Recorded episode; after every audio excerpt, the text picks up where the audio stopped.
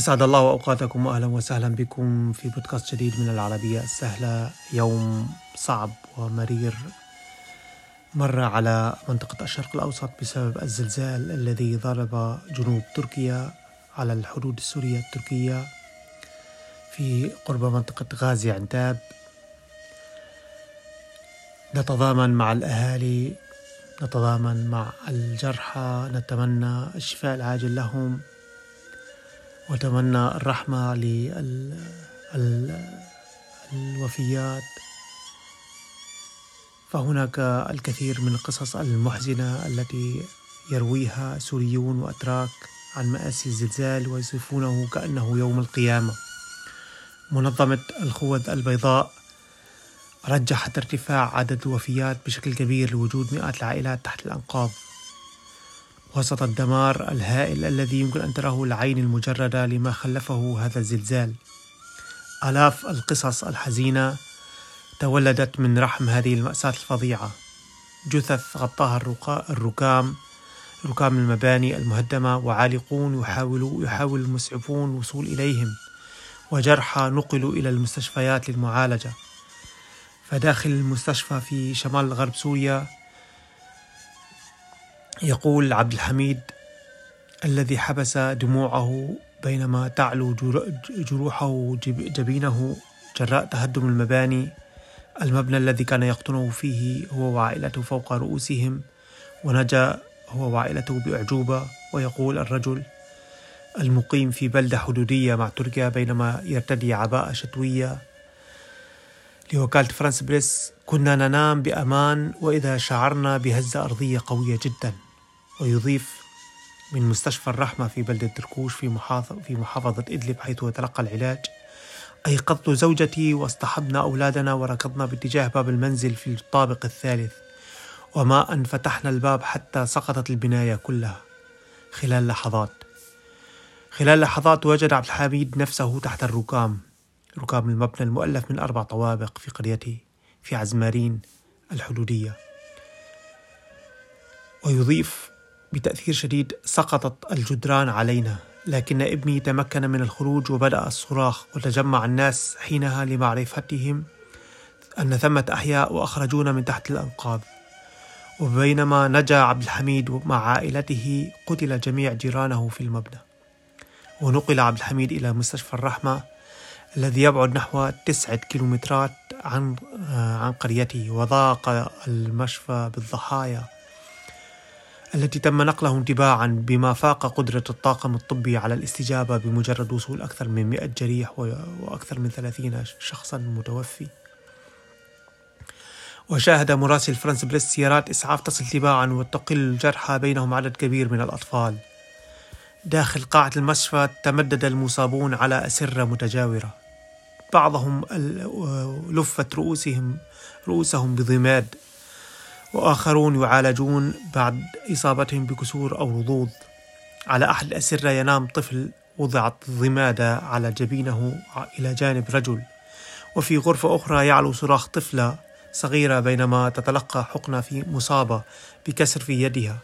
بالقرب منها يجلس فتى مضمد الرأس. المئات تحت الأنقاض. يقول طبيب الجراحة العامة في المستشفى مجيد إبراهيم لفرانس براس. لفرانس بريس الوضع سيء جدا للغاية مع وجود أشخاص كثيرين تحت الأنقاض المباني السكنية. أحصت منظمة الخوذ البيضاء, البيضاء الدفاع المدني طبعا العامل في مناطق شمال سوريا. أحصت مقتل أكثر من 221 قتيلا وإصابة أكثر من 300 جريح في إحصائية غير غير نهائية أولية. هذا صباح اليوم. طبعا ربما كانت تكون قد ارتفعت الإحصائيات.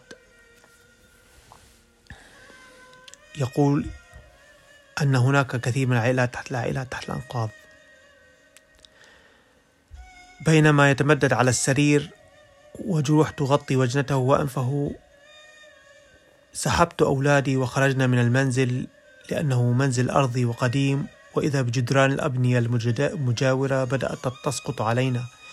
ونحن نقف في الشارع. وأصيب شخص يدعى بركات بكسر في رجله جراء سقوط جدار عليه بينما نجا أفراد عائلته. في مدينة سرمدة في ريف إدلب دم دمرت كتلة كتل دمرت كتلة أبنية متلاصقة وسويت بالأرض بينما بقيت ألواح الطاقة الشمسية وخزانات المياه صامدة فوقها وتناثرت الفرش والأغطية. وشاهد مصور فرانس بريس عمال أنقاض يحاولون رفع الركام بعم ويعملون على استحداث فتحات عبر استخدام المعاول والمطارق بحثا عن ناجين. بينما تعمل آلي تعمل آليات وجرافات وجرافة على رفع الأسطح والجدران. يقولون كأنه يوم القيامة. طبعا ضرب الزلزال الذي بلغ قوته 7.8 درجة قرب غازي عنتاب في جنوب شرق تركيا الاثنين عند الساعة الرابعة والربع بالتوقيت المحلي على عمق حوالي 18 كيلومتر وفق المعهد الأمريكي للمسح الجيولوجي. وشعرت به عدة دول مجاورة أبرزها طبعا سوريا لأنه على المنطقة الحدودية. عند شعوره بالهزة الأرضية حمل أنس حبش 37 عام طفله وطلب من زوجته الحامل أن تجاريه في الركض إلى مدخل شقته الواقع في الطابق الثالث والأخير. في المبنى في مدينة حلب شمالا التي صدعت سنوات الحرب مئات الأبنية فيها. ويقول نزلنا الدرج كالمجانين بعدما غطيت وجهي وجه طفلي بوشاح لحمايته. وما إن أن وصلنا إلى الشارع حتى رأينا عشرات العائلات وهي في حالة خوف ورعب. ويضيف ثمة من ركع على الأرض وبدأ الصلاة وثمة من كان يبكي. كما لو أنه يوم القيامة. تعازينا إلى أهالي الضحايا ونتمنى للشر... للجرحى الشفاء العاجل. شيء صعب جدا. في فقرتنا الشعرية لهذا اليوم يقول الإمام الشافعي من وحي هذه الأيام الصعبة دع يقول دع الأيام تفعل ما تشاء وطب نفسا إذا حكم القضاء. دع الأيام تفعل ما تشاء وطب نفسا إذا حكم القضاء. أي اصبر على أيام الشدة وارضى بالقضاء. ويقول ولا تجزع لنازلة الليالي أي لا تكن آه، حاول أن تتحمل الجراح. ولا تجزع لنازلة الليالي نازلة الليالي أي الأيام الشديدة. فما لحوادث الدنيا بقاء؟ يعني كل الحوادث التي تحدث في الدنيا سوف نجتازها وننتقل إلى إلى الأحسن إن شاء الله. ويقول وكن رجلا على الأهوال جلدا وشيمتك السماحة والوفاء. يعني أي كن صبورا على على الصعاب قوي وتحاول التحلي بالوفاء والسماحة وطيب الخاطر. نعيد البيوت. نعيد أبيات يقول دع الأيام تفعل ما تشاء وطب نفسا إذا حكم القضاء. ولا تزع لنازلة الليالي فما لحوادث الدنيا بقاء. وكن رجلا على الأهوال جلدا وشيمتك السماحة والوفاء. في فقرة الترندنج لهذا اليوم طلاب الجامعة الأمريكية في القاهرة يحتجون والإدارة ترجع السبب إلى أزمة الجنيه أمام الدولار. في مشهد وصف وصفه البعض بغير المألوف نظم عشرات من طلاب الجامعة الأمريكية في العاصمة المصرية وقفة احتجاجية بالحرم الجامعي اعتراضا على زيادة الرسوم الدراسية. وبحسب الفيديوهات المنتشرة على مواقع التيك توك فقد رفع الطلاب المحتجون لافتات تطالب بعدم تسليع التعليم. عدم تسليع التعليم يعني عدم جعله تجاريا المتاجرة به. ويقول الطلاب إن ارتفاع المصاريف وتحديدا القسط الثاني أثقل كاهل أهاليهم. يعني كان صعب دفعه. أثقل كاهل أهاليهم. لا سيما مع ارتفاع سعر سعر صرف الدولار الأمريكي الذي تضاعف معه الأقساط. ما دفع الطلاب للتظاهر. وانخفض الجنيه المصري لأدنى مستوى له على الإطلاق أمام الدولار. وحتى مارس أذار الماضي قبل سنة أي, كان سعر الدولار يعادل حوالي 16 جنيه مصريا. أما الآن فقد تراجع قيمته ليصل سعر الدولار الواحد إلى نحو 30 جنيه.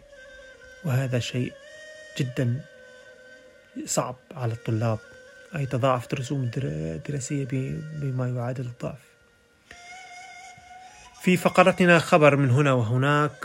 مظاهرات إيران. طهران تطالب المتظاهرين بإظهار الندم مقابل العفو. شيء مضحك. نشرت التايمز تقريرا تقريرا لميلاني سوان بعنوان السلطات تخبر المتظاهرين في إيران. أظهروا الندم مقابل العفو.